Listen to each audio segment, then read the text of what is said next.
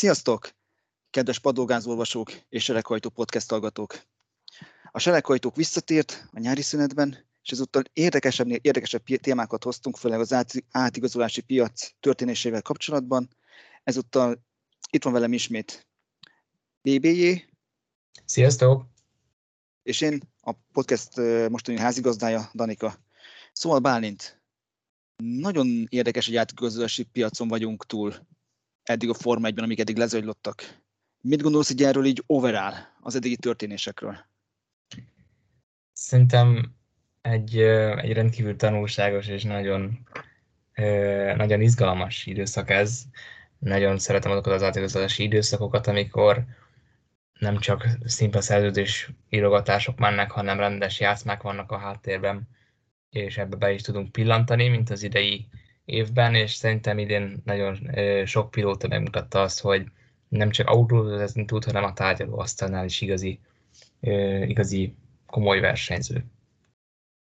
Amolyan valódi ragadozó. Olyasmi, így van, így van. Számomra is egy kicsit ilyen nem az, hogy fura, hanem az, hogy a szokatlannál, a szokottnál, megszokotthoz képest sokkal eseménydúsabb volt így az augusztus eleje. Mert általában ezek mind ilyen augusztus végén, ott a belga nagy díj időszakában kezd szoktak elkezdődni, és akkor szép sorjában szoktak mindig jönni egy-egy komolyabb hír, de most az elmúlt egy héten, egy hét alatt valami valódi hírdöppinget kaptunk. És ez e, nagyon fura volt. Valóban hírdömpinget kaptunk, de én nem vagyok annyira meglepve, hogy ez most zajlott le, és igazából, ha belegondolunk mindössze, ö, nagyjából kettő csapat házatájáról jöttek a hírek, plusz még a Williams-es a szerződés hosszabbítás, ami kb. borítékolható volt. Szóval azért most se volt annyira egész mezőnyt átfogó ö, dömping, de nyilván nagyon ö, érdekes folyamatok voltak, és emiatt mindenki számára egy ö, emlékezetes héten vagyunk túl, és kíváncsian várjuk a folytatást pont emiatt. És valóban jól mondtad, emlékezetes héten vagyunk túl, mert még a magán, maga előtt az emlékezetes hét előtt volt egy fontos, fontos bejelentés. Sebastian Vettel bejelentette a visszavonulását. Mit gondolsz, ez mennyire volt bá- váratlan? Mit gondoltál legelőször, amikor ezt így meghallottad?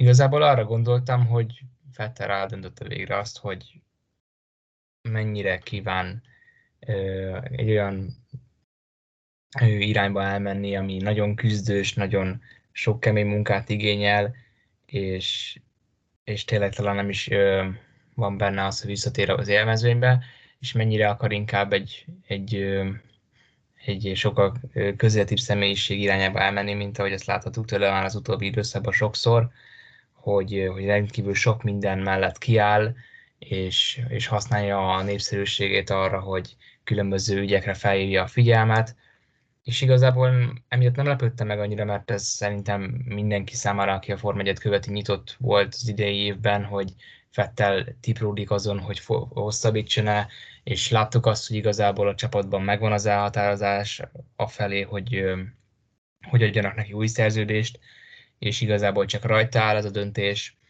ezért én, én nem voltam meglepve, igazából végig ott volt kb. 50-50 százalék, hogy folytatja az Astonnál, vagy pedig visszavonul, más opció nem is volt nagyon, úgyhogy én, én abszolút úgy gondolom, hogy ez egy, egy, egy várható döntés volt, és, és szerintem maga a sportás szurkolói tömegei se lepődtek meg nagyon rajta, mert benne volt már ez a levegőben korábban is. Te hogy láttad? Ha nekem azt mondták volna, hogy Monaco, Monaco után azt mondja Fettot Monaco környékén, hogy visszavonul, nem lepődtem volna meg.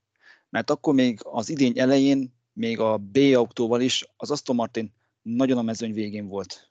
Utána az utolsó időszakokban elkezdtek egyre jobban feljebb jönni, már, magában, már ott Monakóban is már sikerült egy egész jól muzsikálniuk, meg Bakuban is, és még Kanadában még az időmérő edzés előtti, előttig is tök jól néztek ki. Úgy tűnt, hogy végre elindultak a jó úton, de utána megint ismét bezuhantak.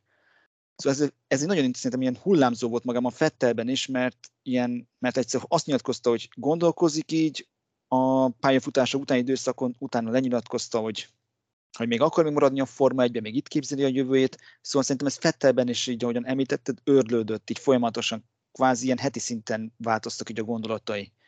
Viszont amúgy szerintem számára a törés jelentett, az egyrészt az édesapja által említett osztrák nagydíj is, ahol nem csak a verseny, hanem a sprintfutamon is, aki megtalálta, az lényegében kiütötte a pályáról, illetve még a Paul Ricardon az utolsó körökben vívott felesleges harc Lance Strollal. És szerintem ez utóbbi volt az, ami így kvázi így az utolsó szöget beütötte a koporsóba, mert onnantól kezdve már csak három nap volt, míg létrehozta az Instagram fiókját, és ott abban a videóban bejelentette a visszavonulását.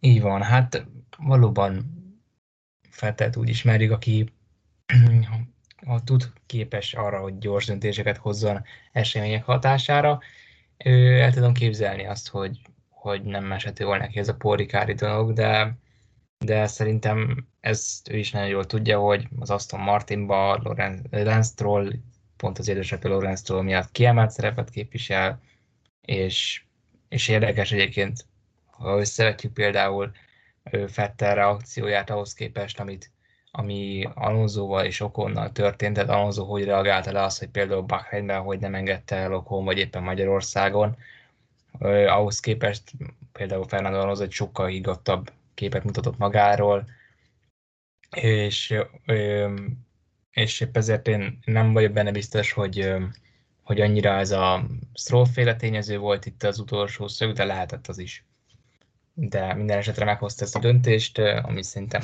ahogy mondta, és már régóta érlelődött benne, és hát kíváncsian várjuk, hogy mi lesz számára a folytatás, mert nyilatkozott arról, hogy szívesen kipróbálna az Egyesült Államokban a versenyzést, különböző pályákat, és hát nyilván nyitva állnak az ajtók előtte, úgyhogy meglátjuk, hogy merre indul majd el.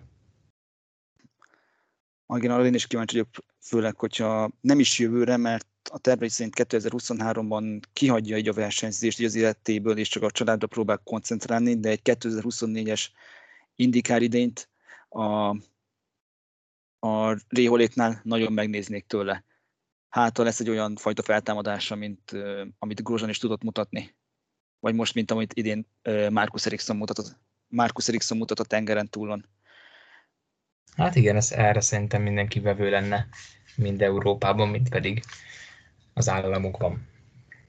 Visszatérnék Lance Strollhoz, meg maga az a Stroll családhoz, meg erre az egész folyamata, szerinted ez mennyire volt tervezett az egész? Vagy inkább ez egy külső nyomás volt, főleg egy következő témához hozzá kapcsolódva? Szerinted kizárólag ez volt? Mert nagyon említetted ezt a hosszú érlődést. Szerinted közrejátszódott ebben az, hogy tudta, hogy Lawrence nem feltétlenül van vele megelégedve, és valaki más tervez a helyére? Én úgy gondolom, hogy elégedettek voltak vele. És, és és szerintem nem, nem volt rajta akkor a külső nyomás, mert főleg ezekkel a különböző területekért való kiállásával rendre a célapok főoldalára jutotta a márkát. Szerintem, hogyha marketing szempontból nézzük, Fettel pont emiatt egy rendkívül erős, erős tagja volt az Aston Martinnak, és nyilvánvalóan itt ugye magáról a autógyárnak a sikerességéről, sikerességében is döntő szerepet játszik az F1-es részleg, és én úgy gondolom, hogy ebből a szempontból Vettel kiváló ember volt az Aston Martinba, és igazából a csapattal való viselkedésén is én azt éreztem, hogy, hogy nincsen egyáltalán az a fajta harag, feszültség, ami talán a Ferrari-nál meg volt 2020-ba. Úgyhogy én, én úgy gondolom, hogy nem igazából a külső nyomásra hozta meg ezt a döntését, hanem, hanem sokkal inkább... Nem, hogy nem tetted, ez ilyen tervezet volt. Egy hosszú sokkal inkább egy, egy, egy önérlelődés, egy belső folyamatnak az eredménye ez a döntés. Nincs sem a külső nyomás. Szerintem ez Fettelnek nyilatkozatából is érződik, hogy nem azt nyilatkozta, hogy 2023-ban végül teljesen felszabadult, és minden jó lesz, hanem már egyből azt nyilatkozta, hogy így talán még jobban tud majd vezetni Magyarországtól kezdve Úgyhogy... Igen, hogy, hogy is mondta, azt mondta, hogy még élete legjobb versenye még vár rá. Igen, igen, szóval ebből nekem egyértelműen az jön le, hogy, hogy egyáltalán nincs harag a csapattal, nincs semmilyen belső visszájfeszültség, hanem, hanem ez az ő személyes döntése volt, és az ő személyes ügye. Még a visszavonulásához visszatérve, időben hagyja abba, vagy, szerinte, vagy szerinted már túl későn, mert egyes vélemények szerint már Fettelnek már jóval hamarabb abba kellett volna hagynia, például 2020-ban. Én ennyire radikálisan nem gondolkodtam, a német versenyzővel kapcsolatban, de egy 21-es visszavonulást már elbírtam volna képzelni az ő esetében látva, hogy az Aston Martin projekt mégsem, mégsem akar összeállni. Mit gondolsz erről? Hát én nem tudok vele egyet, egyetérteni egyáltalán, mert mert ugye hogy most így látjuk, hogy hát az Aston Martinnak a 2022-es év, hát ez nagyon szétesett, 9. vagy 10. helyre visszaestek a csapat sorrendben, és hát nagyon nem, nem jött be az új szabályváltoztatás, de amikor, ha belegondolunk, előtte voltunk még ennek a mágikus 22-es váltásnak, akkor melyik lett volna az a pilóta, aki azt mondja, hogy ja, kösz, nem, nem kérek az új szabályokból, Hát óriási hülyeség lett volna 2021 végén azt mondani, hogy hát én, én visszavonulok. csak még nem hogy vissza, vissza mondok, egy Kimi Räikkönen mondta azt, hogy nem kér ezekből a szabályokból. Igen, igen, de az megint egy másik szituáció, mert már korábban abba akarta hagyni. Ő ugye azért mondta, hogy nem kér ebből, mert, mert egyrészt Kiminek a karakterét ismerjük, és tudjuk azt, hogy, hogy milyen anyagi keretek között mozgott az Alfa Romeo, nyilván az egy sokkal érthetőbb döntés volt, ellentétben Fettelével, hogyha az ő személyében helyezkedünk bele, hiszen van egy rendkívül mély pénztárcával megáldott tulajdonosod, van egy rendkívül fejlődő csapatod, van egy olyan szabályváltoztatás, ami tényleg nagyon bejöhetett volna a csapatnak, ráadásul 2021-ben elég jól versenyzett Sebastian Vettel, szerintem ezt nem érheti kétségem, beszélve például a Bakui dobogójáról, az a második hely tényleg lenyűgöző volt. Én, én gondolom, hogy abszolút benne volt a teljesítményében az áttörő erő, és hát nem jött össze az idei év úgy, és, és ennek hatására is hozta ezt a döntését. Szerintem abszolút nem, nem késő ez a visszavonulás, korábban Fettel helyében nem lett volna értelme, hogy nyilván Raikkonen más.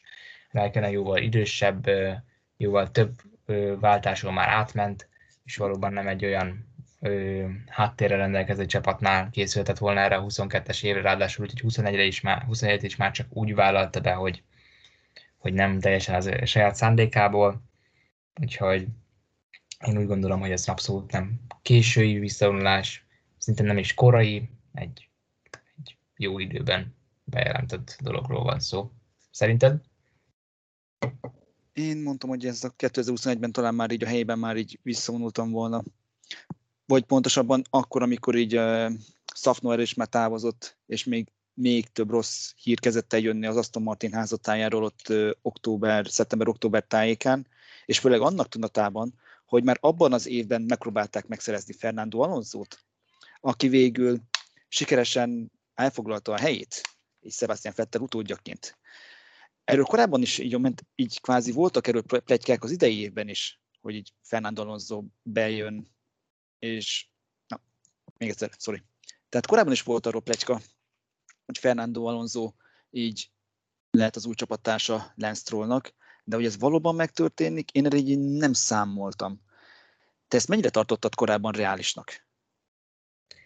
Őszintén szóval nem igazán, de, de most így az események után nyilván könnyű utólag okosnak lenni, de hogyha visszanézzük, igazából teljesen reálisan láthatjuk azt, hogy hogy ez miért volt egy jó döntés, és miért, miért volt reális mind a két fél szempontjából, főleg Vettel visszavonulásával. Úgyhogy előre be kell vallanom. Én sem gondoltam volna, de egy utólag visszanézve teljesen logikusnak tartom mind a két fél szempontjából. Én, amikor gondolkodtam azon, hogy ki lehet Fettel utódja, pont dolgoztam azon a cikken, és Fernandon az oda tettem a harmadik helyre, viszont nála is csak ilyen 10% esélyt adtam meg, mint az egyik ilyen lehetőség akit így felkarolt, hogy az Aston Martin. Kvázi ugyanannyi esélyt adtam rá, mint hogy Oscar Piastri érkezik, akiről még a későbbiekben lesz szó. De nálam az elsődleges jelöltek az Daniel Ricciardo volt és Mick Schumacher volt. Ricciardo azért, mert a McLaren ki akar, ki akarja rugalni, Mick Schumacher pedig a családi kapcsolat miatt. Alonso neve igazából csak tényleg csak az évelei pegykák miatt szerepelt ott abban a cikkemben, és nem is számoltam vele komolyabban. Amikor megláttam, hogy tényleg ő volt, ő lett a befutó, egyrészt nagyon mérges voltam, a sajtósokról, hogy nem tudták kivárni, nem tudtak kivárni még pár órát, míg, kipublikálom a cikket. Másrészt mérges voltam Fernando Alonso és abból a szempontból, hogy miért hagyja el a végre jól összeálló Alpint, ami végre újra negyedik erő, újra nagyon, de nagyon szerencsés, nagyon szerencsés körülmények között dobogóra tudna állni, egy olyan csapatba, ahol igazából tényleg a semmi sem akar sikerülni évek óta. De ezért sem gondoltam valódi reális célpontnak, meg lehetőségnek Fernando Alonso karrierében az Aston Martint. És elkezdődött bennem egy olyan gondolat érlelődni, hogy ez részben egy ilyen pillanat hevében meghozott döntés lehetett a spanyoltól, mert ismerve azt, hogy ott már Szafnover nyilatkozta azt, hogy még vasárnap még úgy, úgy köszöntek el egymástól a magyar nagydíjról, hogy majd Alonso majd küldi az ügyvédjét, megoldják, lepapírozzák, minden készen lesz, rá másnap jött a hír, ő megy az Aston Martinba. És, és szerintem ez köze volt ahhoz, hogy már valamiféle, valamilyen fajta belső feszültség lehetett ott, az, lehetett ott közt és Esteban okon között így az általad is említett feltartások miatt. Mit gondolsz szerinted, és ez egy pillanat hevében a latin vérétől fűtött ö, döntés volt, vagy pedig ez is hasonlóan tervezett volt, mint Fettelnek a visszavonulása? Hát szerintem mindannyian nagyon jól ismeri Fernando alonso a személyiségét. Tudjuk azt, hogy, hogy rendkívül egy ravasz emberről van szó, aki mind a pályán, mind a mellett nagyon sok fortét ismer, és én abszolút, én abszolút úgy gondolom, hogy abszolút nem tudok veled egyetérteni ebben a témában. Szerintem számára ez egy nagyon régóta érlelődő dolog, és, és szerintem az Alpin vezetői voltak azok a, a azok, ha úgy mondhatni, gyermeki hittel rendelkező emberek, akik azt hitték, hogy, hogy Alonso úgymond a zsebükbe van. És én még úgy gondolom, hogy teljes mértékben úgy gondolom, hogy Alonso nagyon is jól tudta, hogy mit csinál, és nagyon is készült erre a dologra.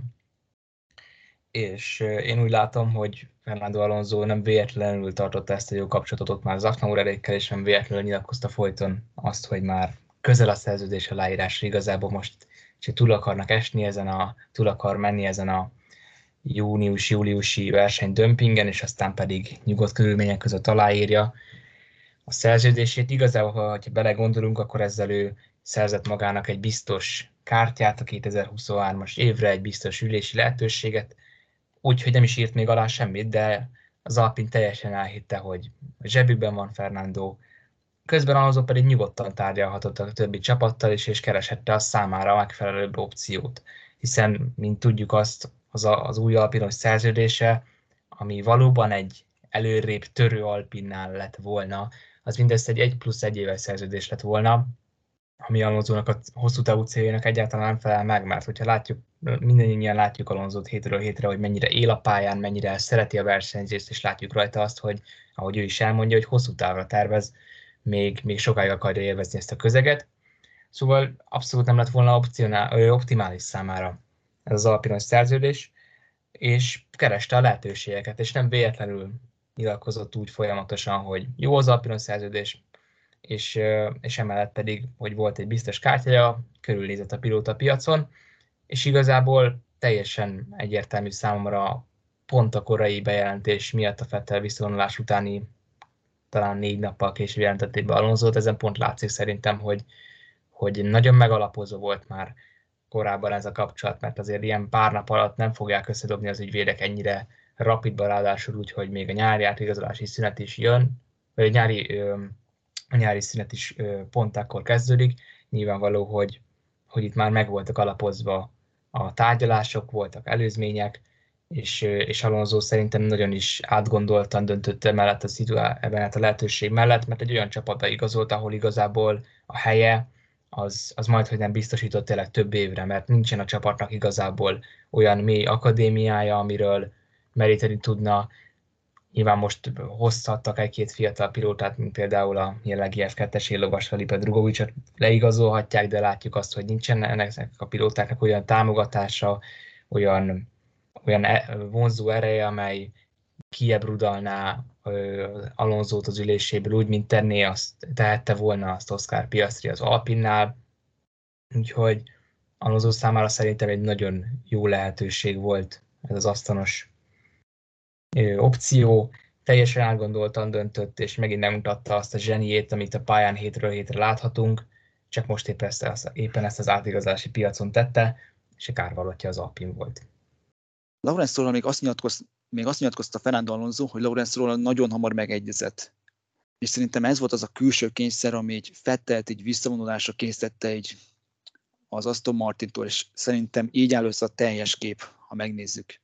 Viszont visszatérve még egy Fernando Alonso jövőjére gondolva, ez, szerintem akkor ez nem lesz egy karriertemető, és valóban több a potenciál az Aston Martinban, mint az Alpinban, akkor a gondolataid szerint.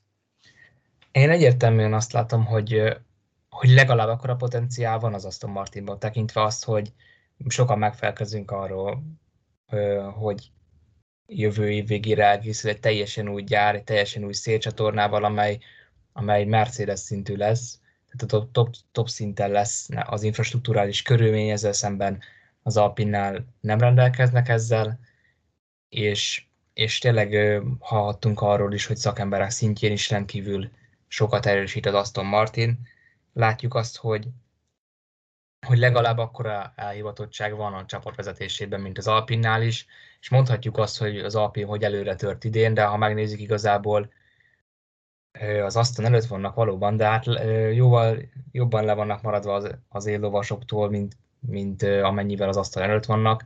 Igazából kis különbség van a két csapat között, mondhatni, és, és szerintem az, az Alpin nem negyedik erő, hanem ötödik erő, ezt Piastri is igazolni tudja, amiről később beszélünk majd, és, és én abszolút úgy vélem, hogy, hogy, hogy akár nagyobb potenciál is van az Aston Martinban, hogyha tényleg összeáll a projekt, és tényleg megtalálják a megfelelő vezetőket, megfelelő szakembereket, mint az Alpinnak a, az Alpinnak a tervei és lehetőségei a jövőt tekintve. A kérdés csak az, hogy annyit alatt képes-e Fernando Alonso összerúgni a port Lawrence Strollal, és nem a két tudás nem fér meg egy csárdában helyzet valósul-e meg? Hát én szerintem egy teljesen más Fernando alonso látunk a visszatérése óta, mint a visszavonulása előtt. Ugyebár a McLaren időszakára majd nem mindenki emlékszik, és ehhez képest, amit láttunk az Alpinál, az egy teljesen másik Fernando Alonso, nyilván a körülmények is kellettek hozzá, de azért, ha belegondolunk, az Alpin házatáján is volt nem egy-két csörte, a, vezeték, a vezetők kölcsönösen rugdosták egymást. Szerintem Fernando Alonso más attitűddel van most itt már, és igazából inkább élvezni kívánja a versenyzést, mint sem hatalmas, hosszú távú terveket szöveget arról, hogy hányszoros világbajnok lesz még, hanem az ő hozzáállása is más. Nyilván a mclaren időszakban egyértelműen azért volt frusztrált, mert érezte azt, hogy a legerősebb évei azok mennek tropára, most pedig már ő is tudja azt, hogy azért 40 fölött van, tudja, hogy igazából minden egyes bónusz év számára egyfajta áldás a király kategóriában, és, és szerintem pont ezért lehet ez egy gyümölcsöző kapcsolat, és, és nem tartok attól, hogy nagyon durván összerúgna a Port Lawrence trollal. Így legyen, nem akarunk még egy Alonso botányt szerintem már a Forma 1-es történelemkönyvekben, már így is túl vaskos ez a fejezete. Hm. Viszont van egy olyan pilóta, aki még nem is versenyez a Forma 1-ben, de már is elkezdte írni a saját sztoriát. Oscar Piastri szerződéses botránya, hát Indikárban volt hasonló pár héttel ezelőtt Alex Palou eseti, Alex Palóval, akkor a saját csapata, Chip Ganassi Racing jelentette be egyik este, vagy délután, pontos amerikai időt nem tudom, hogy így hogy leívják az spanyol pilótának az opcióját, majd a spanyol pilóta értesülve erről a hírről a médiában, közölte a média munkatársakkal, hogy akik ott voltak körülötte, hogy ö, ez nem igaz. Ő nem fogott versenyezni, majd rá 5 percre jött a hír, hogy ő csatlakozik a McLarenhez. Eltett három hét, és azt mondta az Alpén, hogy fog meg a sörömet, ugyanezt eljátszom. Bejelentik, hogy Oscar Piastri náluk versenyez, rá pár órára, azt mondja az Ausztrál, hogy bocsánat, erről nem, nem egyeztettetek velem, és nem fogok nálatok versenyezni. De, és a kérdésem azt, ezt el tudod képzelni tényleg, hogy egy pilótával nem, nem egyeztet egy csapat a szerz, egy szerződés bejelentés előtt? Ez egy abszolút amatőrizmus? Nem erről van szó szerintem a jelen esetben. Pontosan, pontosan az, az lehetőségeknek a kiaknázásáról van szó. Én abszolút úgy gondolom, hogy itt az Alpin nem amatőrizmusból jelentette be Oscar Piastri, hanem próbált próbált a nyilvánosságnak az erejével is élni, és, és próbált az utolsó szalmaszába kapaszkodni, és megtartani Oscar Piastrit, annak ellenére, hogy, hogy mire be, meghozták ezt a bejelentést, szerintem ők is nagyon jól tudták, hogy, hogy Piastri új csapattal tárgyal, akár már új szerződése is van, és igazából azért terelték nyilvános szintre ezt a vitájukat, hogy megpróbálják maguk mögé állítani úgymond a, népsz, a, a tömegeket, hogyha lehet, és, és tényleg egyfajta utolsó esélyként megtenni mindent azért, hogy meg, megtartsák a, azt a tehetséget, aki az ő csapatukat, hogyha jól bántak volna vele, akkor az ő csapatuk jövőbeli Max Verstappen vagy Charlotte Leclerc lehetett volna. De ők igazából nem tudták eldönteni, hogy most a jelenbe fektessenek Fernando Alonsoval, vagy a jövő támasszák alá teljes mértékben Oscar Piastrival, és igazából nagyon sikeresen elrontották mind a kettő opciót, úgyhogy most hoppon maradtak pont emiatt. De akkor ez is egyfajta szerintem amatőrizmus, hogy ennyire nem tudtak dönteni, pláne úgy, hogy Piastrinak a hírek és jelek szerint nagyon közeledett a határideje, így az opciójának a leívására. Nincs erre biztos információ, és mindenhol ezt a július 31-i dátumot emlegetik, hogy ez lett a határidő így a döntésre.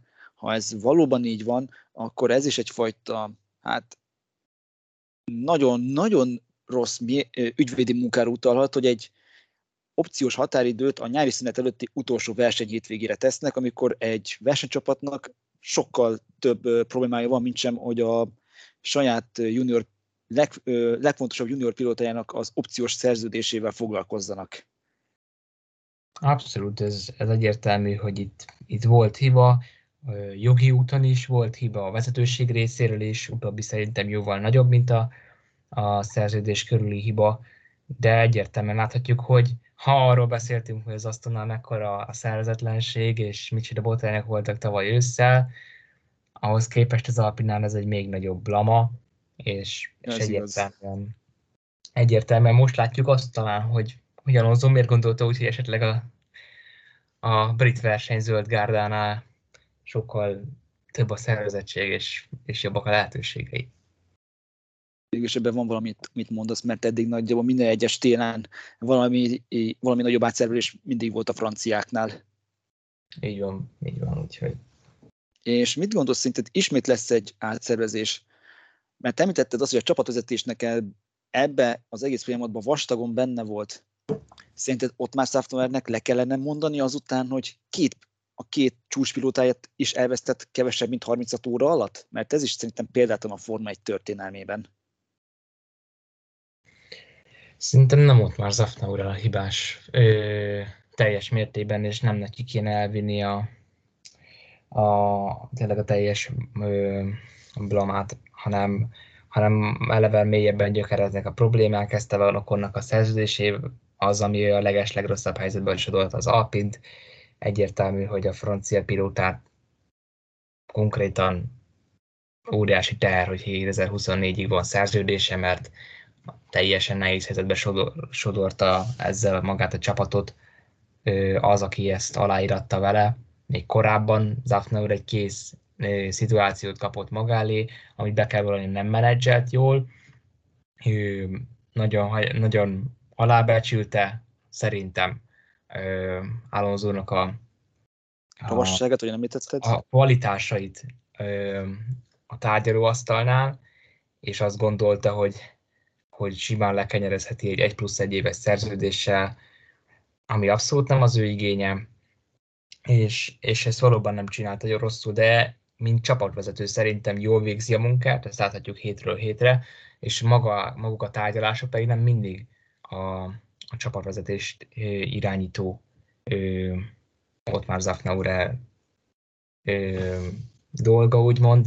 Szerintem a felső vezetőknek szintén komoly felelőssége van a dologban. Én biztosan elváltanám le ott már Zafnauert egy ilyen hiba miatt, viszont lehet, hogy esetleg egy tapasztaltabb öm, szakembert felvennék, úgymond egyfajta ö, sportigazgatói posztra, hogy jobban menedzselje magát az akadémiát is, de az átigazolásokat is, mert ugye bár végső soron az a kérdés most, hogy hogy találják meg az okon mellé a következő évre a megfelelő pilótát, Úgyhogy ha most kirúgjuk ott már Zafnauert, akkor megint igazából egy, egy értékes tapasztalatokkal rendelkező mert veszítünk, aki be kell valami hibázott ebben a döntésben, de szerintem nem ö, viheti elő egyedül a balhét, mert, mert egyértelműen ez egy, ö, ez egy közös hiba volt az Alpi vezetőségétől, nem pedig csak a, a, az erdélyi szakembernek a hibája. Említetted azt, hogy kellett volna egy sportigazgató. Szerintem pont, hogy volt, hogy volt egy ilyen egészen a tavalyi évig Davide Brivio, akiről igazából tavaly ősz óta semmit nem tudunk, hogy vele mi, mi újság így az Alpinnál. Hogy ő hova tűnt, mi történt vele, mert pont az ő feladatai lettek volna az összes pályán kívüli ügyintézések, köztük valószínűleg a szerződések is. Hát, ha itt lett volna, szerintem ő ezt így megakadályozta volna. Az biztos, hogy, hogy másképp alakultak volna a dolgok, de hát egy hasonló erőszakos úgymond hierarchia képítésén dolgozik Lauren Rossi az Alpinál, mint ahogy tette azt a Wolf a Mercedesnél. Aminek a tetején Laurent Rossi áll, és mindenkit elküld, aki nem Laurent Rossi, és veszélyezteti. Hát igen, nagyjából. De ha vele 2.0. a Ross Brownnak is hasonló körülmények között kellett távozni a Mercedes-től Toto Wolf hatalom megszerzése után, szóval nem olyan ismeretlen ez F1-es körökben ez a féle fajta hatalomra törés. Csak úgy tűnik, hogy a tapasztalat Rossi úrnál nem akkora, mint Wolf, mint amit Wolf mutatott korábban. De nyilván volt. Niki Leura volt a hatalmas segítsége, akit nem küldött el, és hát meg is tett az eredménye. Erre akartam kitérni, hogy igen, hogy, hogy amennyire Niki Lauda tudott ezekben a kérdésekben támaszt lenni, annyira nem tudott semmit sem hozzátenni Ellen Prost, ugye a francia istálló történelméhez. Viszont ha már így beszéltünk erről, hogy valószínűleg ezek miatt, az okok miatt is azt mondta a Piastri, hogy elhagyja az Alpint, akkor miért mondhatott igen, így a plegykák szerint a McLarennek, igazából nem is plegykák, mert már mindenki kész tényként kezeli azt, hogy Oscar Piastri 2023 Landon Norris csapattársa lesz. Akkor pontosan szerintem miért mondhatott igent a McLarennek, azon túl, hogy végre megkapja az ülését, amire úgy nagyon vágyott? Szerintem Piastri döntésében hatalmas szerepe van Mark Webbernek, ugyebár Piastri egy Ausztrál és régóta mentorálja őt a volt Red Bullos versenyző, akinek hatalmas tapasztalata van, és itt ezen a átigazolási időszakban megint csak azt látjuk, ami szerintem nagyon kiváló, hogy ezek a régi karakterek mekkora szerepet játszanak a sportágban. Azok a pilóták, akikről talán már kicsit el is felejtkezhettünk, vagy akár akik mostanában kezdtek el nézni formáját, nem is nagyon emlékeznek rájuk, de nagyon jó szerintem látni azt, hogy ezek a versenyzők újra nagyon nagy szerepet játszanak a Forma egy világában, és, és szerintem most is Mark Webber személyen rendkívül meghatározó volt Piastri döntésében, mert amit látunk a McLarennél, az egy, egy régóta, most már tényleg évek óta nagyon szép irányba haladó fejlődés, még hogyha ide nem is pont ezt látjuk, és, és picit csalfa a kép, mert McLaren a tavalyi évhez képest egyértelműen visszaesett, hogyha az erőviszonyokat nézzük. És, és ezt Norris is többször nyilatkozta, hogy az idei realitás az messze nem az, ami tavaly volt, de, de továbbra is azt látjuk, hogy egy nagyon jó hangulatú csapatról van szó, nagyon jól működik a vezetőség együtt az alkalmazottakkal, a különböző részlegek, akik remekül dolgoznak együtt egymással, a pilóták hasznos adatokat gyűjtenek, és hát nem meg, ki az, aki ne szeretne egy ilyen ö, csapathoz csatlakozni, amely egy kicsivel még most is jelenlegi gyenge formájában az, az szerintem Alpin szinten kb. top formának mondható szint fölött van. És, és nem véletlenül mondott igen szerintem Piastri, mert egy remek projekt a McLarené, remekül haladnak előre. Látjuk azt, hogy, hogy terjeszkedik maga a csapat is, és nagyon sok rétű lehetőséget biztosít, a, biztosít hat pilótaként, akár, akár Norrisnak, akár Piastrinak. Látjuk azt, hogy az Egyesült Államokban, az Indikárban is egy elképesztően erős felállással készülhet a jövő évre, és ráadásul a Formulában is érdekelt lesz, még 2023-ban később pedig akár a hosszú távú autózásban is, a Le Mani 24 órásban is. Így egy elképesztően vonzó projektet látunk a McLarennél, hogyha pilóta szemmel nézzük, mert az, hogy hogy akár egy, egy cégnév alatt elég tudod intézni akár azt, amit korábban Alonso ugye több ö, csapatnál csinált, hogy, hogy akár elmás egy Indi 500-ra, vagy elmás egy Le Mani 24 órásra, az egy óriási vonzó dolog lehet, nem beszélve a csapatnak az F1-ben képviselt erejéről és potenciájáról. Igen, ezen én is gondolkodtam, hogy ez is lehet, hogy egyfajta ok, hogy, meg, hogy a McLaren megkvázi bárkit bebír így vonzani a Forma Egyesülés vagy egyéb ülések lehetőségével. Annyit javítanék, hogy szerintem a Le Mans náluk addig ki van zárva, még Zach Brownnak a United Motorsport csapatát be nem húzzák valahogyan a márkába, de azon túl igen, Zach Brown felépítette a Modern Core motorsport birodalmát, azzal, hogy már nagyjából minden fontos sorozatban ott van, így a McLaren, kivéve tényleg, ez a, kivéve tényleg a Le Mans, meg a rally világbajnokságot. És már ott tartunk, hogy már a IndyCar és a Formula erre öt autójára már leszerződtetett hét pilótát. És akkor még egy kis zárás ki... Milyen pilótákat egyébként, egyébként, hogyha azt megnézzük, hogy ezek a versenyzők nem, nem egy uh, no-name valahonnan szállított pilóták, hanem mind-mind sorozatunként rendkívül sokat bizonyított pilóták, akikben nagy potenciál is van. Hát pontosan, hogy a legjobbakat, akiknek emellett még Forma 1-es teszt lehetőséget, vagy akár egészen eddig versenyzői ülés is tudott ajánlani. Legyen szó akár Pat Overról, Alex Paluról. Alex Paluról, így van, meg aki még külön még tesztettek, az Colton Hurta volt, akinek, nem kimondott, akinek kimondott cél, hogy a Forma 1-ben versenyezzen majd az indikár után valamilyen úton, módon. És még így zárásképpen, hogyha már így mm, beszéltünk így Piassiról, meg így az Alpinról, kiérkezett olyan Piassi helyére, mert most hirtelen lett egy elég nagy űr így a pilóta átigazási piacon, és véleményem szerint ez az ülés fogja meghatározni a további történéseket. Mondanál pár tippet?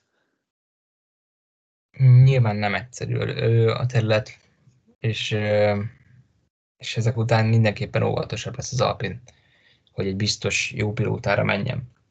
Én úgy gondolom, hogy, hogy a csapat számára érdemes lenne lenyúlni az akadémiára, és, és felhozni azt a Jack Duant, aki, aki remekül szerepel idén az a Forma 2-es bajnokságba.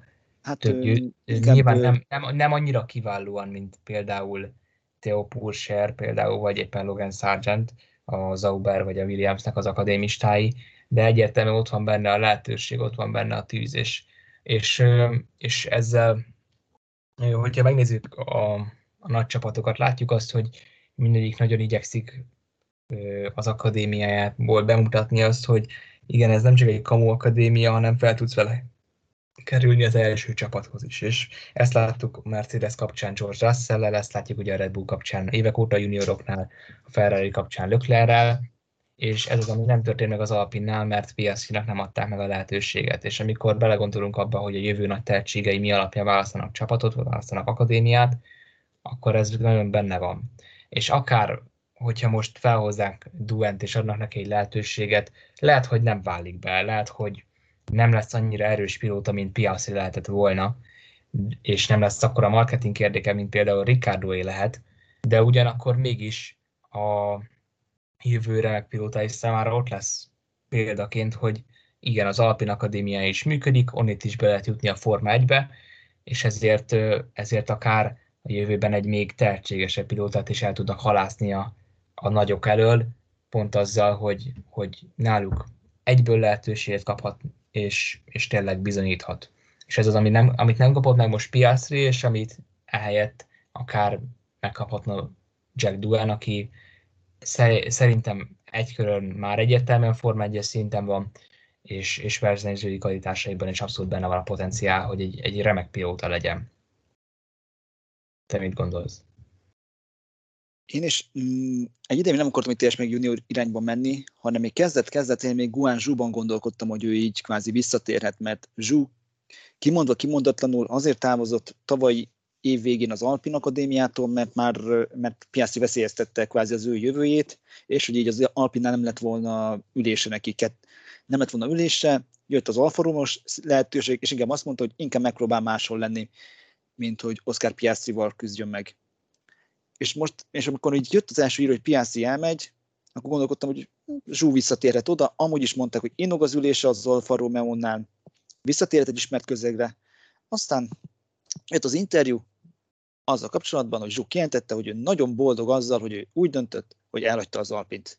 Na itt akkor borult bennem minden, és úgy egyből elkezdtem nézni itt tényleg az akadémistákat, hogy Duennek megvan a szuperlicenc pontjai, szerencsére megvannak, de csak a Forma 3 jó szereplése második helye miatt, meg azzal, hogy az első tízen benne lesz idén biztosan a Forma 2-ben.